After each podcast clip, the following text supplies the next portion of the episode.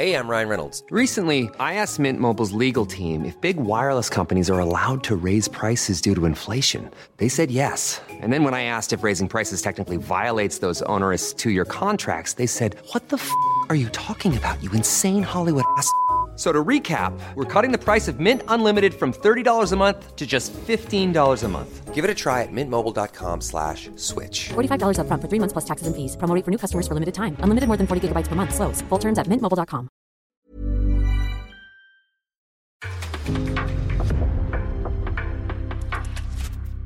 En podcast från Aftonbladet. En tidig seriefinal, regerande mästarinnor som har vaknat och bottenlag i spillror. Ja, vad är det egentligen som händer i Kalmar och Uppsala? Dessutom så snackar vi givetvis hela Janogy-soppan. Vad var det egentligen som hände? Ja, ni hör ju, vi har en hel del att snacka om som vanligt. Så vad väntar vi på? Nu sparkar vi igång. Bort som prassel. Ja, nu håller Saga också på att möblera om här inför inspelningen. Det känns, känns toppen. Eh, det är ju ett lite annorlunda avsnitt det här. Vi sitter på samma rum på en väldigt liten yta i Göteborg efter matchen mellan Häcken och Hammarby som vi kommer att återkomma till. Jag som pratar heter Anna Rydén med mig, Saga Fredriksson, Per Lagerström, expert på Airplay.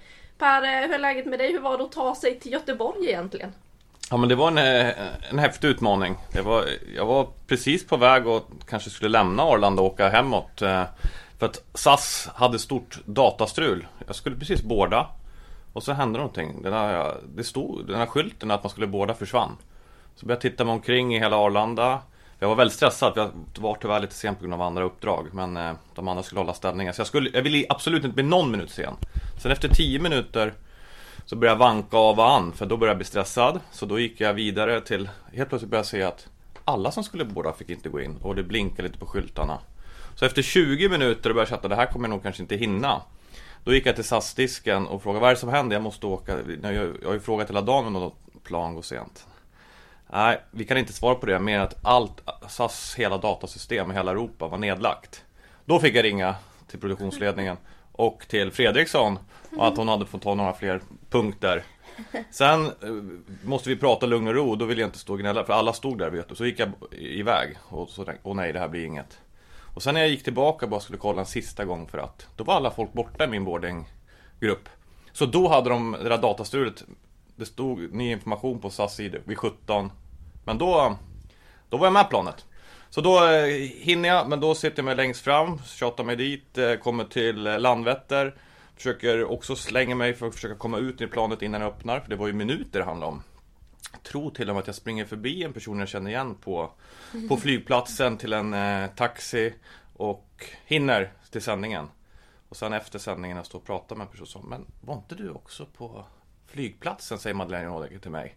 Jag såg en taxi som stod Lager, Per Lagerström på.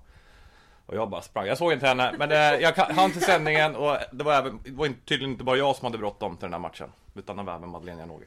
Ja, vi ska återkomma till Madeleine Janogy för det är ju veckans snackis och hur hon då kom inspringande på uppvärmningen chockade både lagkamrater och motståndare eh, när hon helt plötsligt då fick spela den här matchen. Men ja, Saga, hur stressad hann du bli där över Pers försening? Jag var cool lugn. Jag var inte så stressad. Nej, det var ju lite ty men Nej men jag är ju en sån person som ehm, jag stressar upp mig i vanliga fall men när det kommer till kaosiga situationer så blir jag total lugn. Och då blir jag bara såhär, it is what it is, man gör det bästa av det. Um, och uh, det var ju, ja det var bara att acceptera läget. Så att uh, nu löste det sig ändå. Uh, och det var väldigt trevlig syn när Per kommer till planen. God och glad, kökschoklad och så var vi redo att köra. Så att ja, lite kaos ska det vara när man kör TV. Men det var lättare att ta sig från Malmö till Göteborg. För Stockholm och Göteborg, det har varit en utmaning den här veckan. Nej men det har varit hur lugnt som helst där. Jag tog en nap och eh, sov i några timmar, tog igen lite sömn och det är väl inte helt fel. Var det inte en lunchdate? För jag tittar på sociala medier och var lite frustrerad. Var det några som sitter och har trevligt i Göteborg i solen innan? Ja, till och med det. Vi hann ju hit Anna i gott om tid att käka ihop och njuta av solen. Så att eh, vissa har det bra. Exakt, eh, min tågresa tog ju dock fem timmar hit, inte tre timmar som det brukar ta. Eh, Så att eh, lite utmaningar och det känns som att den här resan kanske är lite cursed. för Man vaknade idag på morgonen till att ja, nu är alla tåg mellan SJ och, eller mellan SJ, mellan Stockholm och Göteborg. Eh, stopp i tågtrafiken där på grund av en olycka. Så vi får väl se om vi kommer härifrån. Men nu ska vi prata fotboll och eh, vi börjar väl med det här. Veckans svep. Ja, veckans svep och eh, det har ju hänt en hel del sen vi spelade in senast. Eh, kommer inte att grotta ner mig i alla resultat men vi kan väl ta några som sticker ut. Om vi börjar i England då så kan man kika på Chelsea som ju körde över Everton 7-0. Samtliga svenskor med i startelvan. Eh, det är ju ändå uppiggande att se att alla får speltid. Så även då Zecira Musovic, en av två i målvaktskampen och hörni, ja vi kommer komma tillbaka till den. Det är 75 dagar kvar till Sverige spelar VM-premiär. Vi ska prata om den fram tills dess. Det kommer bli mer om det i det här avsnittet också. Sen så har vi ju då eh, IFK Kalmar vars vecka kan sammanfattas med total kollaps 0-14 i målskillnad. 8-0 borta mot Hammarby. Ja, det är klart att den sved för ett lag som knappt hade en A-lagstrupp att skicka upp till kanalplan. Men än värre 6-0 hemma mot KIF Örebro. En förlust mot ett lag som också befinner sig där nere i botten. Det är inte ett guldjagande Hammarby direkt där utan det är ett eh, KIF Örebro som det inte ska bli så stora siffror för. IFK Kalmar har en hel del att tänka på. Det har ju faktiskt även Uppsala som spelade 1-1 mot Djurgården en timme senare så hade de ingen tränare, de hade spelare som hotade med strejk. Och eh, frågan är ju om Per Lagerström kommer vara kvar här. Det stod i UNT att han är en av kandidaterna till att ta över jobbet No. som ny tränare i Uppsala. Vi får väl se vad som händer där. Vi har ett Rosengård som fortsätter att vinna. Man eh, vinner mot Kristianstad framförallt då kanske med 2-0. Även eh, samma siffror mot IFK Norrköping i omgången som spelades under måndagen. Som ju faktiskt inte är helt färdig än för vi har ju ett lag som fortfarande är obesegrade i den här serien. De heter Piteå. När vi spelar in så spelar de borta mot Djurgården på kvällen så vi får väl se om de efter omgång 7 fortfarande är det enda laget i den här serien som faktiskt är obesegrade och eh, i toppen, ja där hakar ju Kristianstad på vann mot Brommapojkarna med 4-1. Eh, även Linköping fick ihop fyra mål eh, men Växjö bjöd upp till kamp där. Men så är det ju så, släkten är väst. Nelly Karlsson gjorde mål, eh, la upp en eh, rolig bild på Instagram sen att det verkar ta en hel del för morfar att byta lag. Där stod han fortfarande med Växjö DF hals, FF halsduken på läktaren i Växjö. 4-2 alltså för Linköping i den där matchen och eh, toppmatchen som vi kommer att prata mycket mer om om en stund. Häcken-Hammarby den slutade 1-0 efter att Hammarby då tidigare i veckan kört över, eller tidigare i veckan, det blir ju så, veckorna blir konstiga när man spelar in mitt i veckan men eh, sen sist kört över IFK Kalmar med imponerande 8-0 och där BK Häcken vann med 2-0 borta mot KIF Örebro. Rosa Kafaji skruvade in en hörna rätt in i mål i den matchen. Det var väl det man tar med sig från den. Så ja, det är väl i stora drag svepet den här veckan. Underbart! Mycket, det är ju det, är det som är roligt med veckomgångar. Det hinner ju hända en hel del. Äh, men, eh, du avslutade med Häcken. Värt att notera förutom, vi ska ju gå till, till laget, men att de väl, har väl inte släppt in mål. Sen mot Djurgården. Och det är fler, och även liksom, det är många lag som jag tycker, man, om man tittar på tabellen när man hör svepet. Jag undrar om de inte nästan har börjat satt sig lite grann.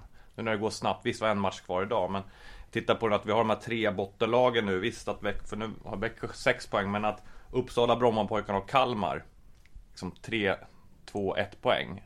Är det inte de det kanske kommer att handla om på ett sätt? Och så är det nog mittengäng. Jag tror Växjö borde vara för bra att åka ur. Örebro vinner den här matchen. Djurgården är där i mitten. Norrköping kanske ska vara ett mittenlag liksom säsong 1. Där har du något.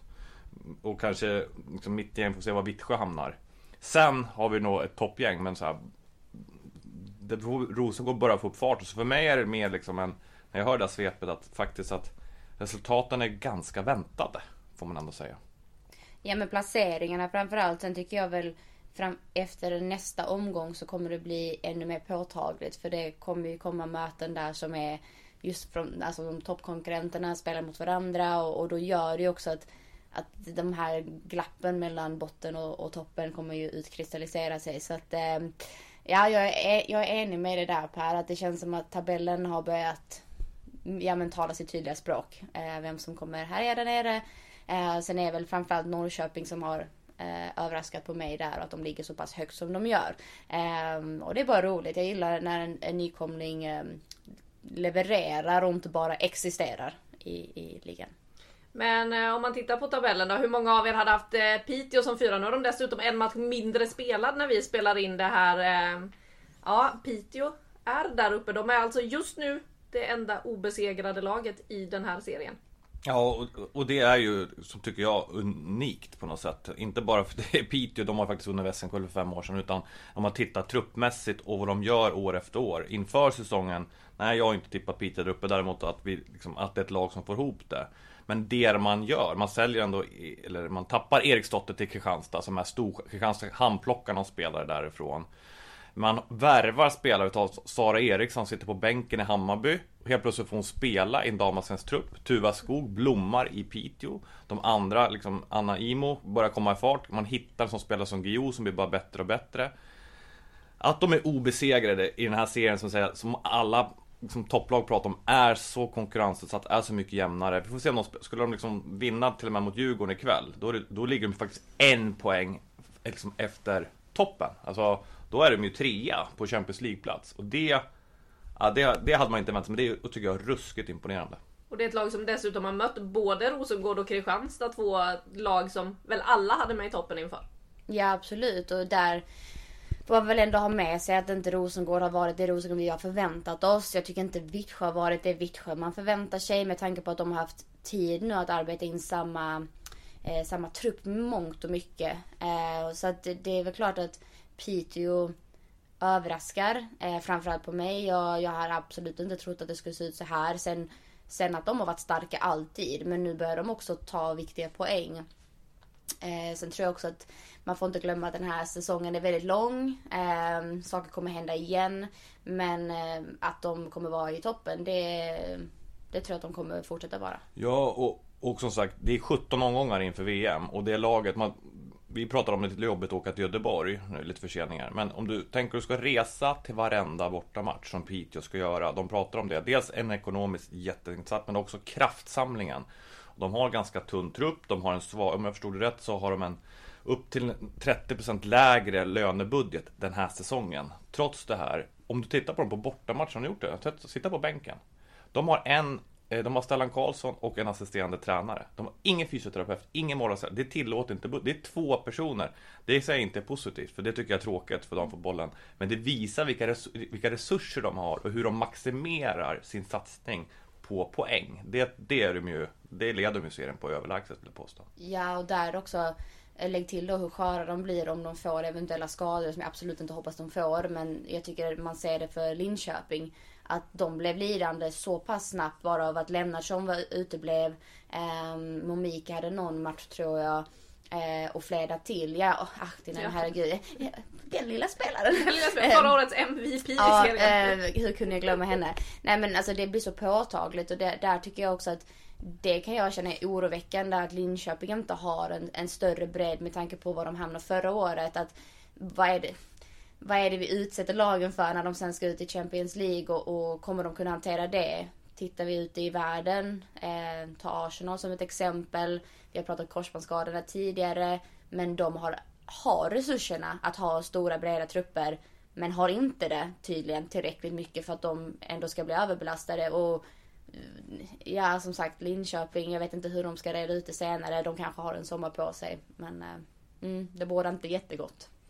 Sista reflektion på ditt svep, det är också ändå något spännande att lagen slår varandra. Alltså det, det inte snackas inte bara om det. Jag tänkte när man såg eh, eh Rosengård-Kristianstad så sa jag kanske att Kristianstad skulle vara favoriter för första någonsin på Malmö IP. Han har gjort många matcher. Dels tabellmässigt, kanske truppen såg ut.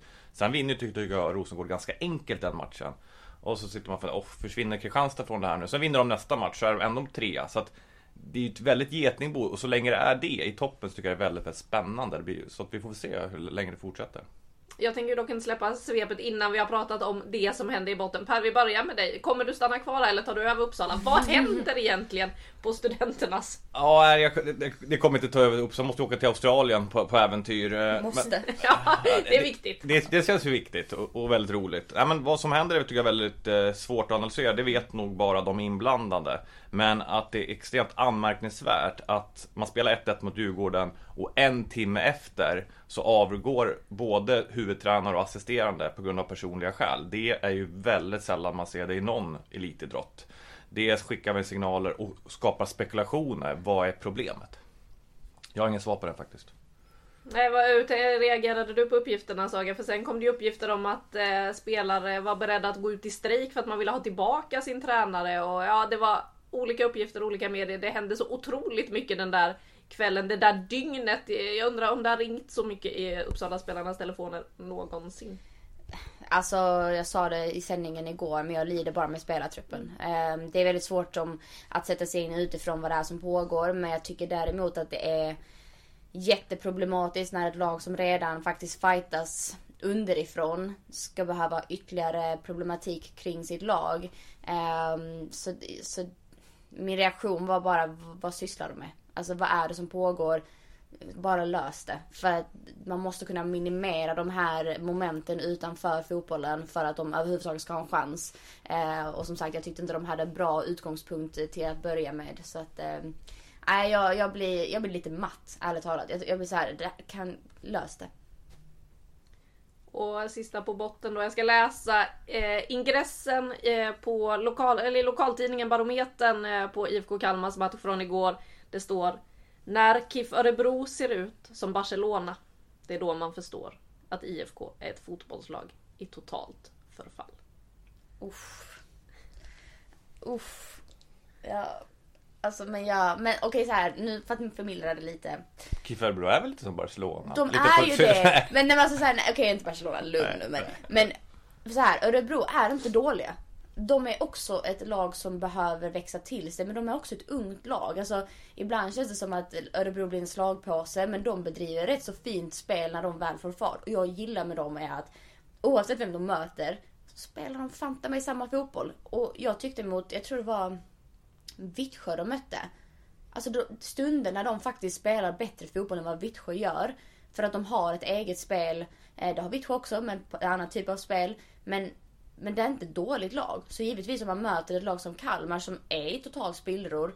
Då kommer du se en helt annan effekt av det. Men du kan inte förvänta dig att du ser samma effekt mot ett Vittsjö eller mot eh, jag menar, ett Kristianstad och så vidare. och så vidare. Däremot eh, så utbildade spelare duktiga spelare. Vi har Pelgander där borta som kommer bli fantastiskt bra i förlängningen för att hon får den utbildningen och utsätts för det där. Det är högt tempo, hon kommer göra misstag men det är okej.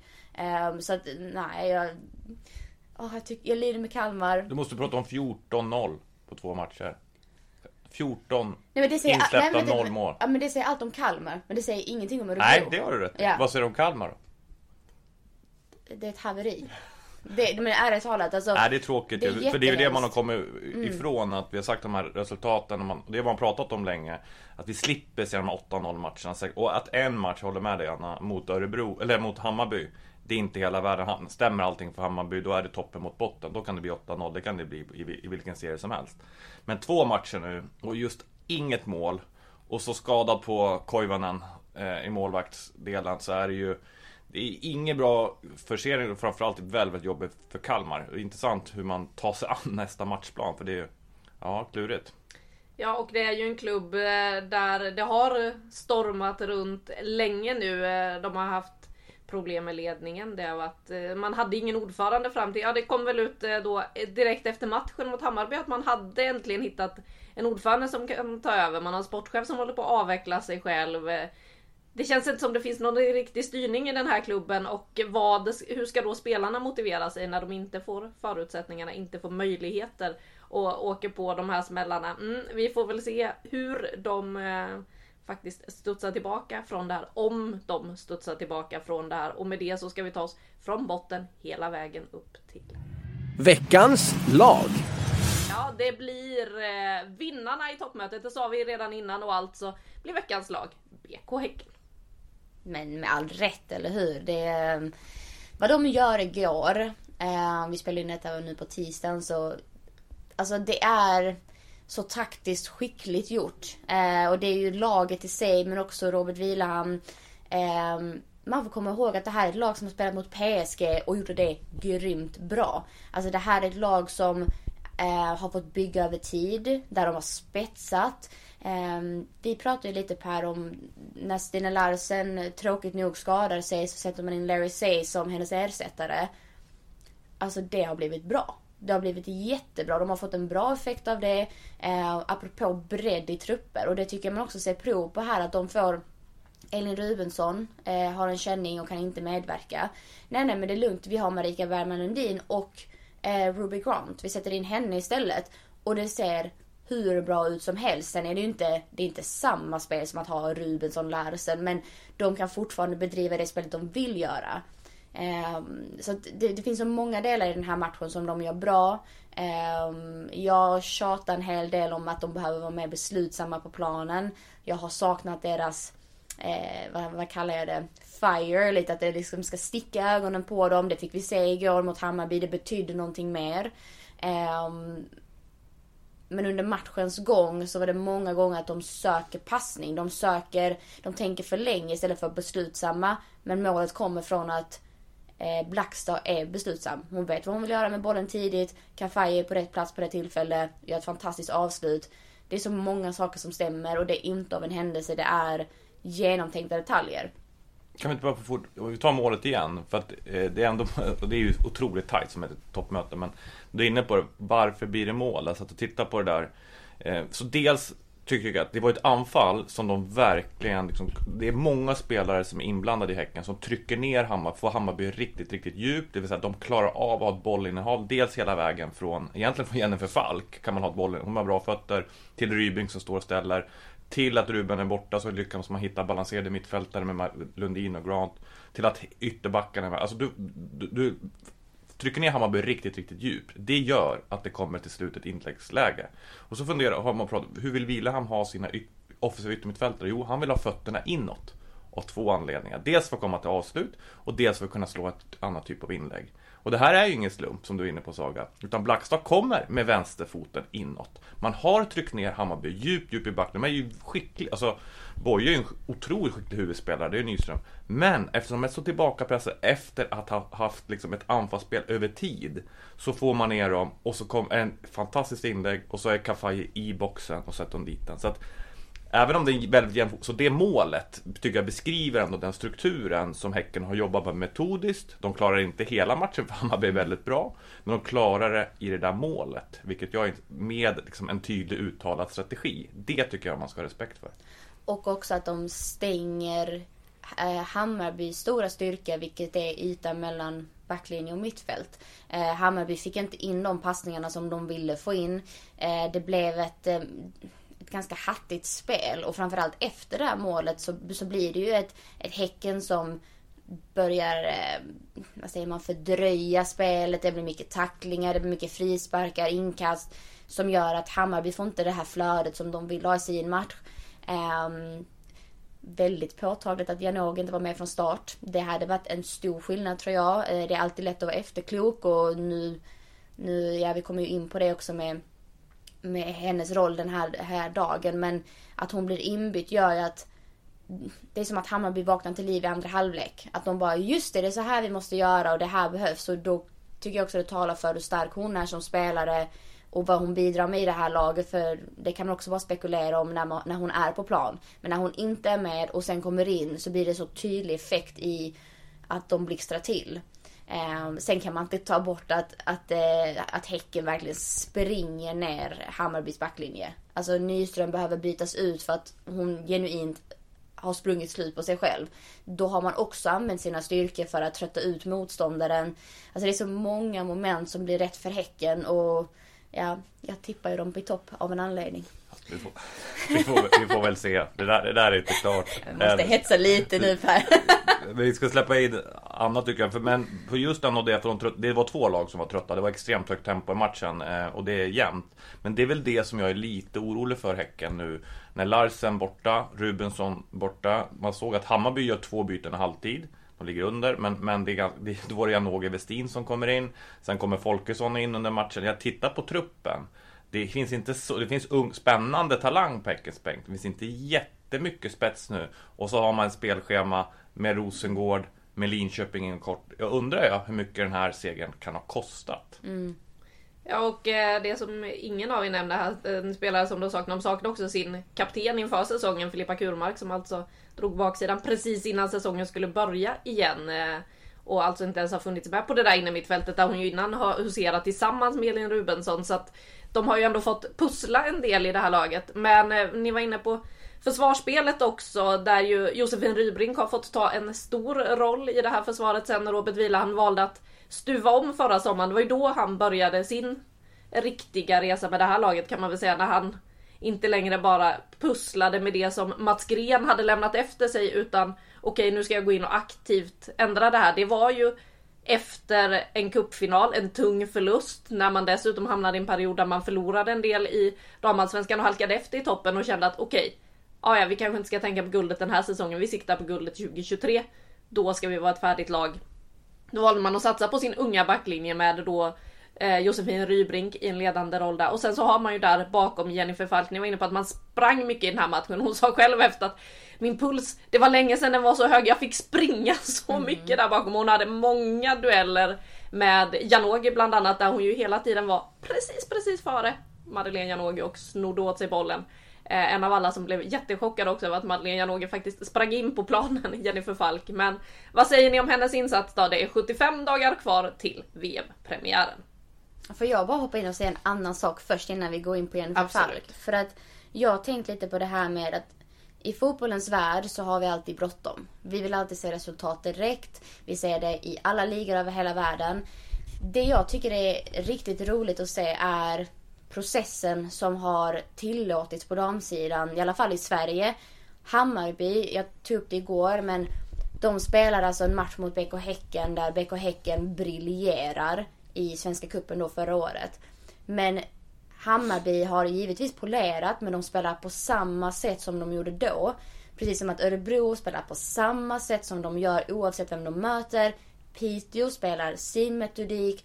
Häcken har trott på sin och justerat längs vägen. Linköping sin. Linköping sin. Alltså det finns så många bra exempel. Och att vi utifrån kommer alltid känna att mm, det ser inte så bra ut eller oj, vi kan alltid kritisera. Men det är någonting riktigt imponerande av att klubbar har valt en identitet, de väljer att tro på den och att de är ödmjuka inför att det där kommer ta tid. Nu ser vi ett Hammarby som är en, en toppklubb i, ehm, i damallsvenskan. För bara något år sedan så var de bara i periferin. Vi ser Häcken etablera sig allt eftersom. Och givetvis kommer se fler exempel efter dem. Så att jag ville bara lägga fram det att det är beundransvärt och det är coolt och det, det jag, jag har verkligen funderat på det där att vi har så bråttom i fotboll. Men när vi inte har det, då ser vi vad som faktiskt är möjligt. Ehm, så det var väl bara lite så en parentes. Och för Hammarbys del kan man ju säga också, alltså för ett år sedan förlorade de alltså mot Häcken på Bravida Arena med 4-1. Det var stor skillnad då. Så stor skillnad var det inte igår. Nej, verkligen inte. Och det är just det som är det stora i det här att vi pratar toppmöten. Vi pratat för första gången i Kristianstad faktiskt ett, ett eh, vad säger man, vad sa du? Favorit, En faktiskt. favorit mot Rosengård. Men ser absolut inte ut som det den matchen för att Rosengård steppar upp. Eh, Det är så det ska vara och det är så vi, vi fostrar en liga som är välmående och som också har, som är attraktiv att komma till. Eh, Och, och då förstår man ju att Jennifer Falk vill stanna kvar här om vi ska Tillbaka dit. Och vilken brygga! Du jobbar i TV och, och sånt där. Hey, crazy! Det var en fin brygga. Ja, tackar, tackar. Ja, men, och, och man måste vara försiktig när man, nu, det är det som är anledningen man sitter så nära eh, en match så här. För man har Falk, ni pratar ju om henne i kommenteringen hela, hela tiden. Jag vet. Med all, nej, nej, men med all rätt. Men eh, för att det finns, alltså hon gör ju fantastisk fotbollsmatch. Precis som Tammen gjorde i derbyt. Tammen var bra nu också. Men det finns fler saker tycker jag med Falk. För du var inne på det Anna, att hennes positionsspel spelar långt ut bakom en backlinje. Det är väldigt bra för damlandslaget om du har Magdalena Eriksson där. Alltså vi har ju snabbheten inte kanske vår spets i backlinjen. Men har du Falk som stoppar alla längre bollar. Den detaljen är, tycker jag är viktig för landslaget. Jättebra för Häcken. Den andra delen, dels tyckte man såg Falk när Ruben som var borta. Hon är en av de äldre spelarna. Hon börjar ta plats. Hon, tar intervju, alltså hon leder lag. Hon fick instruktioner av bänken som målvakt. Det är också en egenskap som jag kanske vill prata om. Vad har de för personlighet, Falk och Musovic? Musovic kanske ännu mer pondus, så alltså större ställ. Spelarna pratar om att hon är trygg. De som spelar med henne blir väldigt trygg. Så kan man bara se de där delarna i Falk också. Så att för mig är det här eh, matchen igår. Visst, det är en match, men hon har hållit nollan sen skottet som Alice Bergström satt som är otagbart i premiären.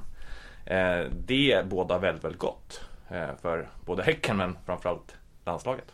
Sex raka nollor, ett insläppt mål.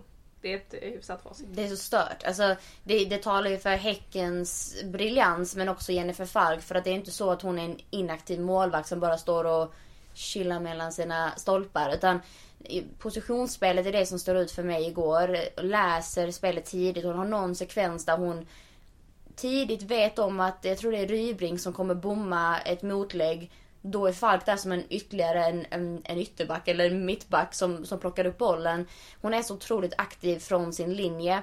Eh, jag tycker kanske inte hon blir så testad skottmässigt igår utan det var ju som här utrusningarna, lite sweeper keeper. Det finns ju inget skärmigare tycker jag än en målvakt som tar två tillslag när det kommer en studsig boll och bara stöter ut den för att hon är så behärskad. För mig är det, mm, nej jäklar vad, alltså jag tycker ju alltid att hon har varit bra men men igår så storspelar hon i, i matchen hon behöver storspela. Eh, och det är ledarskap. Ja, någon var ganska säker på Höjberg, man har ju en miss faktiskt ändå andra halvlek. eh, Om det, jag kommer inte ihåg någon hörna eller inlägg där de kommer ut lite fel. Och det där är ju det som är så tufft i den positionen, att du behöver vara hundraprocentig. Eh, Men som sagt, värt att... eh, Ja, nej, hon är bra just nu, det är inget snack. Så just nu med 75 dagar kvar, vem ska stå VM-premiären? ja, det är ni som är experter. Nej men jag, jag, eh, jag har sagt det innan, jag hade, jag hade satt Jennifer Falk för jag tycker att hon har över tid levererat bra prestationer och är då även i bra form. Um, jag, jag kommer inte vara nervös om Musovic hade stått heller för, för jag tycker hon har andra kvaliteter. Men, eh, men eh, utan att vara för politiskt korrekt så hade jag sagt Jennifer Falk. Per? Ja, Falk ska stå premiären men Musovic ska stå andra matchen. Ja, Vi ska, det, det vi, vi ska jobba med dubbla målvaktspar så får de kampa om det så får vi se. Jag tror inte på det. Jag har ändrat mig. Jag måste säga, jag tror faktiskt inte på det, den, den grejen. För att du, som målvakt och backlinje, jag är ju själv försvarsspelare så att man är väl lite färgad av det. Men, Ungefär som målvakt. vad sa du? Är du ungefär som målvakt, försvarsspelare? Men Same same. Alltså, nej men, men det här att det får inte ske för mycket byten. Det vill jag lägga till en annan aspekt och bara få hoppa in lite med Häcken här igen. Eh, när Juntila, Nelhage blir inbytt så fick jag, jag ska inte säga en klump i magen, men, eller inför att hon skulle bli det, så tänkte jag, vem tar han ut? För att jag var rädd att han skulle plocka typ Luik eller Rybring för att äm, de såg trötta ut eller vad det nu kan vara. Och jag alltid var bara tänkte så här, utsätt inte varken henne eller laget för det bytet. För man vill inte göra för mycket förändringar i backlinje. Framförallt inte sista tio. Det spelar, då ska du verkligen vara skadad för att göra det bytet. Men nu blev det taktiskt byte. Man tog ut Anvegård för att sätta in ytterligare en mittback så att det blev en fembacks 5-3-2. Ehm, vilket kanske inte är så chockerande att han gjorde. Men min känsla var att jag hade sett Loic eh, hoppa till några gånger. Hon såg trött ut. Jag bara, åh gör inte det här bytet nu. Utsätt inte Nelhage för det. Det är alldeles för stor marginal för att man gör misstag. Och att helt plötsligt står det 1-1 och så är det Mm, ja, vi gjorde ett byte i backlinjen, för så låter det alltid. Så att nej, vi ska inte hålla på och byta en massa målvakter. Vi ska ha en. Det var lite längre brygga det där. Jag vet, men man måste ändå se helheten och man måste se de här nyanserna i det. Och jag, ja, jag vet inte tusan alltså. Jag, men sen frågar ni mig om två veckor så kommer jag säga ja men det låter rimligt för att man gör ju så på planen. Men åh, inte för mycket byte. Jag tror, jag tror inte på det. Nej. Målvaktspositionen säger du då? tror jag ju också att eh, man ska hålla sig till en och samma och just nu lutar jag också åt Jennifer Falk. Gud vad tråkig vi är som alla då svarar typ samma sak även om Per ska hålla på och byta. Det, det låter som att du håller på med handboll där. Handboll gör man ju ofta sådär. Där är det ju en helt annan grej med målvakterna. Där jobbar man verkligen i målvaktspar och peppar varandra och så står man, jag vet inte hur många gånger de roterade till exempel under herrarnas eh, handbolls-VM här i januari. Då hade man tre målvakter, alla stod lite hela tiden. Och det var ett jäkla bytande fram och tillbaka. Eh, ändå var det Palicka som storspelade mest av alla i den där turneringen. Så att, Han är eh, fin han Palicka. Det är han. Eh, Vi får återkomma till det där. Jag ska förklara hur vi ska vinna VM-guld. Vi, kanske, Mm. vi har två bra målvakter, det var inte två av de bästa. Men de ihop som par. Kanske kan ett plus ett in, tre. de är inte inne samtidigt. Nej, Nej, det är det de ska vara varannan match. Vi jag återkommer till trodde det Per närmare. skulle lansera det här nu att vi ska ha två målvakter i mål Ta ut samtidigt. en mittback, sätt in två målvakter. Ja, Ja, vi får återkomma. ja, vi återkommer till det. Vad, har ni något mer ni vill säga här om eh, Häcken då som eh, veckans lag eller eh, ska vi gå vidare? Vi ska gå, det enda jag ska säga är att, att för första gången när jag tittar på Häcken nu så tänker inte jag på avsaknaden av Filippa Angedal. Eh, tidigare tyckte jag det var problemet för Gren, det var även problem för Villehamn. Och så hon var sån enorm motor. Nu har jag inte ens tänkt på henne på länge, jag bara kommer på henne nu. Och, där, och där, på, på det sättet symboliserar, tycker jag, det nya Häcken. Jag har inte ens tänkt på henne. Jag brukar alltid göra det. Ja, jag förstår det. Nej, jag håller med. Jag håller med. Jag, ja, Punkt. Jag, punkt. Bra. Veckans snackis. Det hänger ihop med det vi pratade om en hel del i förra avsnittet. Det häng, handlar om Madeleine Janogy och hennes berg och dalbanevecka. Och eh, varför du då sprang förbi henne på flygplatsen när du var, redan var sen till sändning. Klockan halv tre igår så satt hon och drack kaffe med sin syster. Klockan 20.00 så blev hon inbytt borta mot Häcken i Göteborg. Eh, ja, Madeleine Janogy fick ju då sitt eh, röda kort mot eh, Djurgården, det pratade vi om sist. Efter det sen så kom ju då disciplinnämndens eh, beslut, tre matchers avstängning, eller som disciplinnämnden då eh, tidssätter det 7 till 16 maj. Vilket innebär bara två ytterligare matcher utöver den där automatiska avstängningen mot IFK Kalmar. Hon skulle alltså missa Häcken borta, hon skulle missa Piteå. Det här valde Hammarby att överklaga. Eh, fullt förståeligt kan jag tycka, för jag tycker att tre matcher var helt uppåt väggarna för det där. Eh, man måste se, visst att en eftersläng enligt praxis då ska ge tre matchers avstängning med den automatiska inkluderad i det där, men det finns ju också i det där regelverket att det kan finnas förmildrande omständigheter och eh, det känns som att disciplinnämnden satte liksom igång från det att domaren har blåst, ser Madeleine Janogis eh, eftersläng som givetvis ska vara ett rött kort, det ska vara en matchs avstängning. Men man måste ju också ta in allting som hände innan det där. Eh, hur Matilda Plan rycker, sliter i henne. Det fanns förmildrande omständigheter. Det tyckte Riksidrottsnämnden också. Som då gick på Hammarbys väg. Och på måndagen meddelar Hammarby att eh, vi häver Madeleine Janogis eh, avstängning. Johan Lager får ringa till Madeleine Janogy fort som fan och säga du, eh, du ska flyga till, eh, eller till Göteborg från Stockholm vid eh, klockan halv fyra. Då är klockan halv tre. Det är bara att kasta sig till kanalplan, hämta skorna, sätta sig på ett plan och springa förbi. Eller se Per Lagerström springa förbi till sin taxi på flygplatsen. Och sen hoppa in. Det var ju därför hon inte fanns med från start. Man visste inte helt säkert när hon skulle dyka upp. Eh, hon hade ju inte heller varit med på det matchförberedande passet. Hon var, eh, var, åkte inte med laget till Göteborg.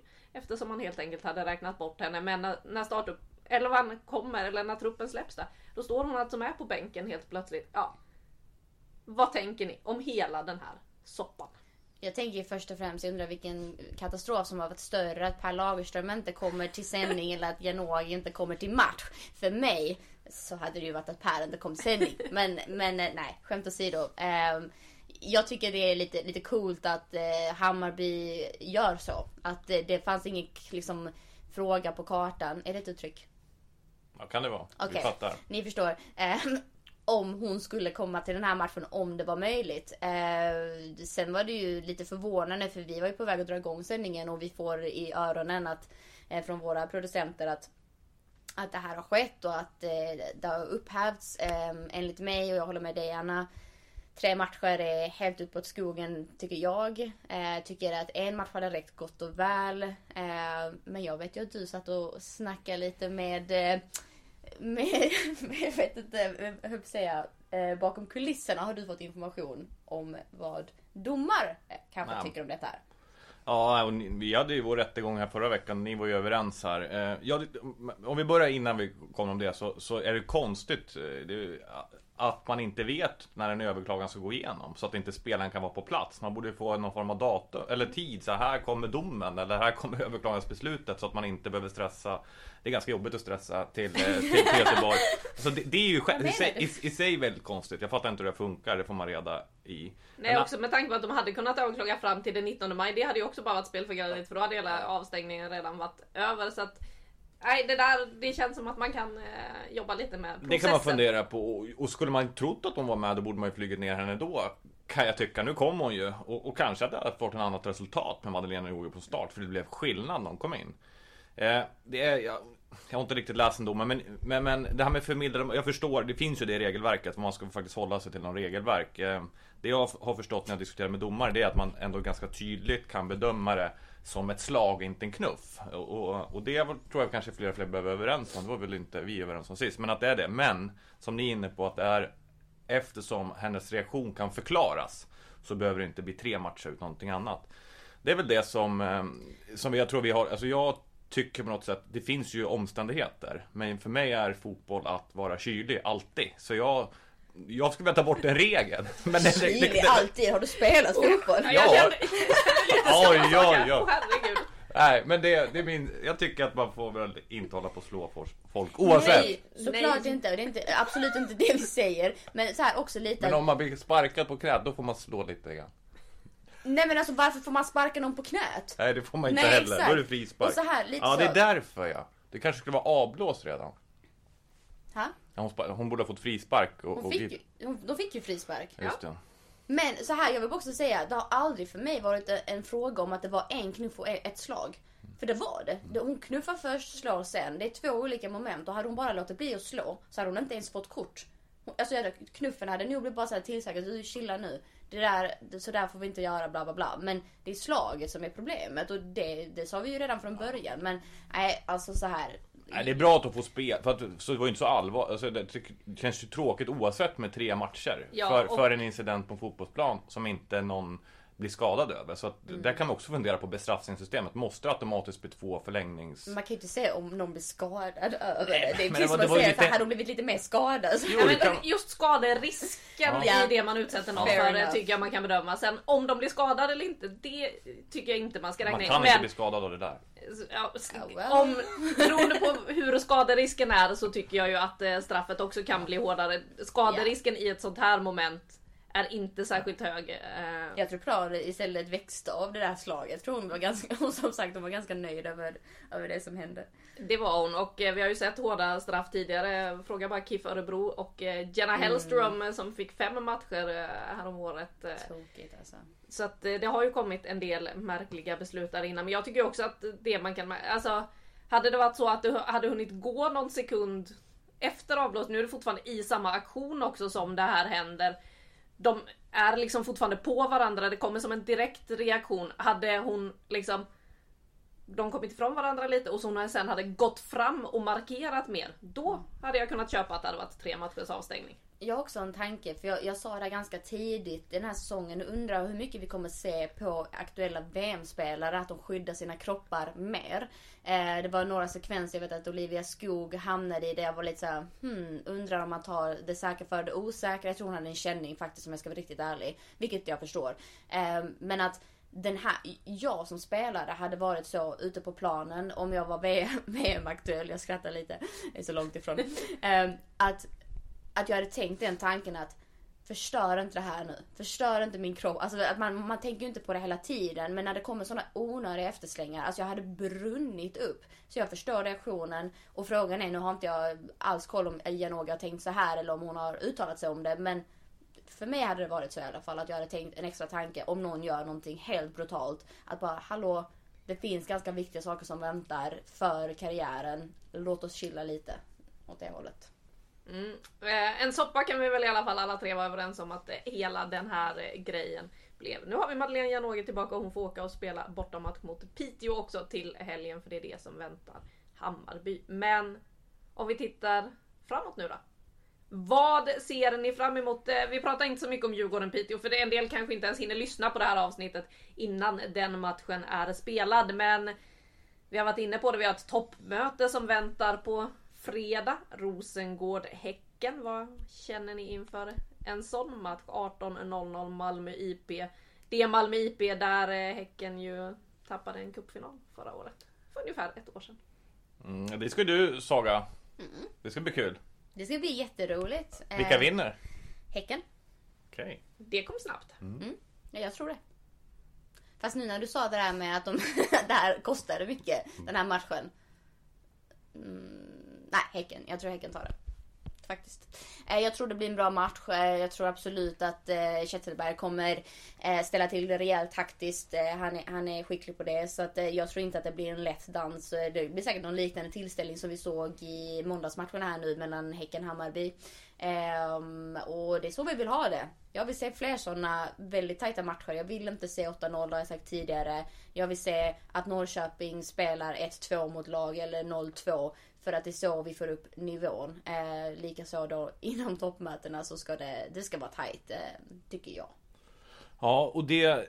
Alltså det- jag tycker den här omgången som kommer bli väldigt, väldigt spännande. Vi pratade om Orkar Häcken studsa. Det var den här mellanomgångarna nu. Visst, det är breda trupper. Hammarby, Piteå, du var inne, eller Piteå, Hammarby rättare sagt. Det är ju en jätteintressant match också. Liksom. Klarar Hammarby att studsa tillbaka efter det här? Och sen har vi ju publikmatchen. Linköping, Norrköping. Vad är det sålda? Är det runt 5000? Tror jag. Det kommer bli slutsålt eh, på Linköping Arena. Om jag har förstått det rätt. Det är ju en häftig omgång så. Ja, den ser man ju fram emot. Man ser ju fram emot att se mer folk på läktarna för att visst, det var 2000 på plats igår, men på en sån match ska det vara mer folk. Eh, när det är en eh, tidig seriefinal, det är två storklubbar som möts. Eh, det borde vara mer än 2000 på Ja, läktarna. och de bjuder upp. Alltså vilken intensitet det var. Det var liksom hög, alltså kvalitativa fotbollsspelare, hög, högt tempo, jämnt. Alltså det var ju ruskigt underhållande match. Så att, ja, självklart. Men det blir det på Linköping Arena. Mm, då är det alltså Linköping mot Norrköping. Ett Östgöta-derby i högsta serien. Hur går det då? Ja, det är väl en Linköping. Men det, så, heter den arenan något nytt. Det bytte namn när jag var där. Kommer ni ihåg vad den hette? Någon bil... Kanske Bilbörsen kanske? Ja, men det tycker jag. Linköping Arena heter den. Vilka vinner då Saga? Av eh, Linköping och Norrköping. Ja. Eh, Linköping vinner den också. Uh, jag kan inte bestämma mig om jag tror att det här blir en tight match eller inte. Mm, jag, det skulle inte förvåna mig om de chockar och det blir kanske... Jag ska inte säga 1-1, de är bra på att göra mål båda lagen. 2-2! 2-2. Då säger jag då för eh, sakens skull här att Norrköping faktiskt chockar på riktigt och eh, vinner den här matchen med eh, 2-1. Så får det bli. Kul! Det reder vi ut nästa vecka vem som hade rätt. Ja, någon kommer ju ha haft det rätt. Skönt. Kanske inte resultatmässigt Nej. eh, eftersom vi faktiskt också sa vad det ska sluta men eh, Jag är ja. också chockad att jag säger lika resultat. Kan inte bestämma mig för mitt liv. Beslutsångesten. Sen har vi ju då apropå ångest. Ett riktigt jävla ångestmöte, nu får man svära.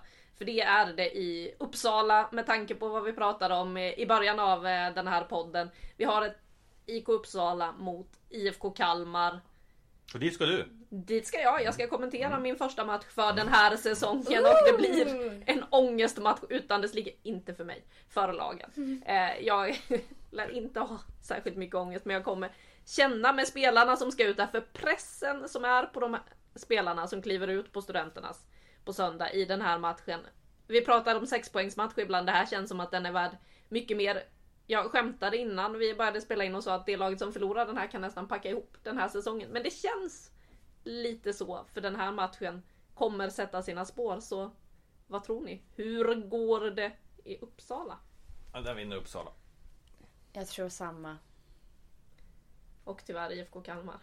Jag tror också att Uppsala vinner den här. Det kommer bli en tuff bortamatch för ett sargat IFK Kalmar som ju har en lång skadelista dessutom. Uppsala har ju också drabbats av eh, en hel del skador den här säsongen men ja. vi får väl se. Vi har mycket att se fram emot eh, och eh, vi ska reda ut en hel del nästa vecka tydligen eftersom vi har bestämt oss, för en, ja, bestämt oss för en massa saker den här veckan. Men innan vi slutar så är det ju dags att dela ut 5 plus och Per Lagerström. Vad får 5 plus den här veckan? Ja men det är faktiskt de här ständiga toppmötena som vi har sett just nu. Eh, vi hade först eh, Rosengård-Kristianstad som det klassiska stående derbyt. Det var inte innan den här omgången. Nu fick vi se Häcken-Hammarby, de två topplagen i serien spelat. Och så är det det där i omgång sju. Och så går det till och sen senare nu på fredag så helt plötsligt så ska Häcken till Malmö och möta Rosengård. Det är ständigt toppmöten. Det, alltså, det är högkvalitativa fotbollsmatcher som är extremt svårtippade. Väldigt mycket bra fotbollsspelare på plan och otroligt liksom, intressant att se vad som ska hända. Så att för mig är det toppmötena som får 5 plus den här veckan. Fem bra plus, eh, de skriver vi under på allihopa och eh, med det hörni så ska vi se om vi kan ta oss från Göteborg. Eh, det återstår att se hur det går. Tack så hemskt mycket för att ni har lyssnat. Vi hörs igen om en vecka.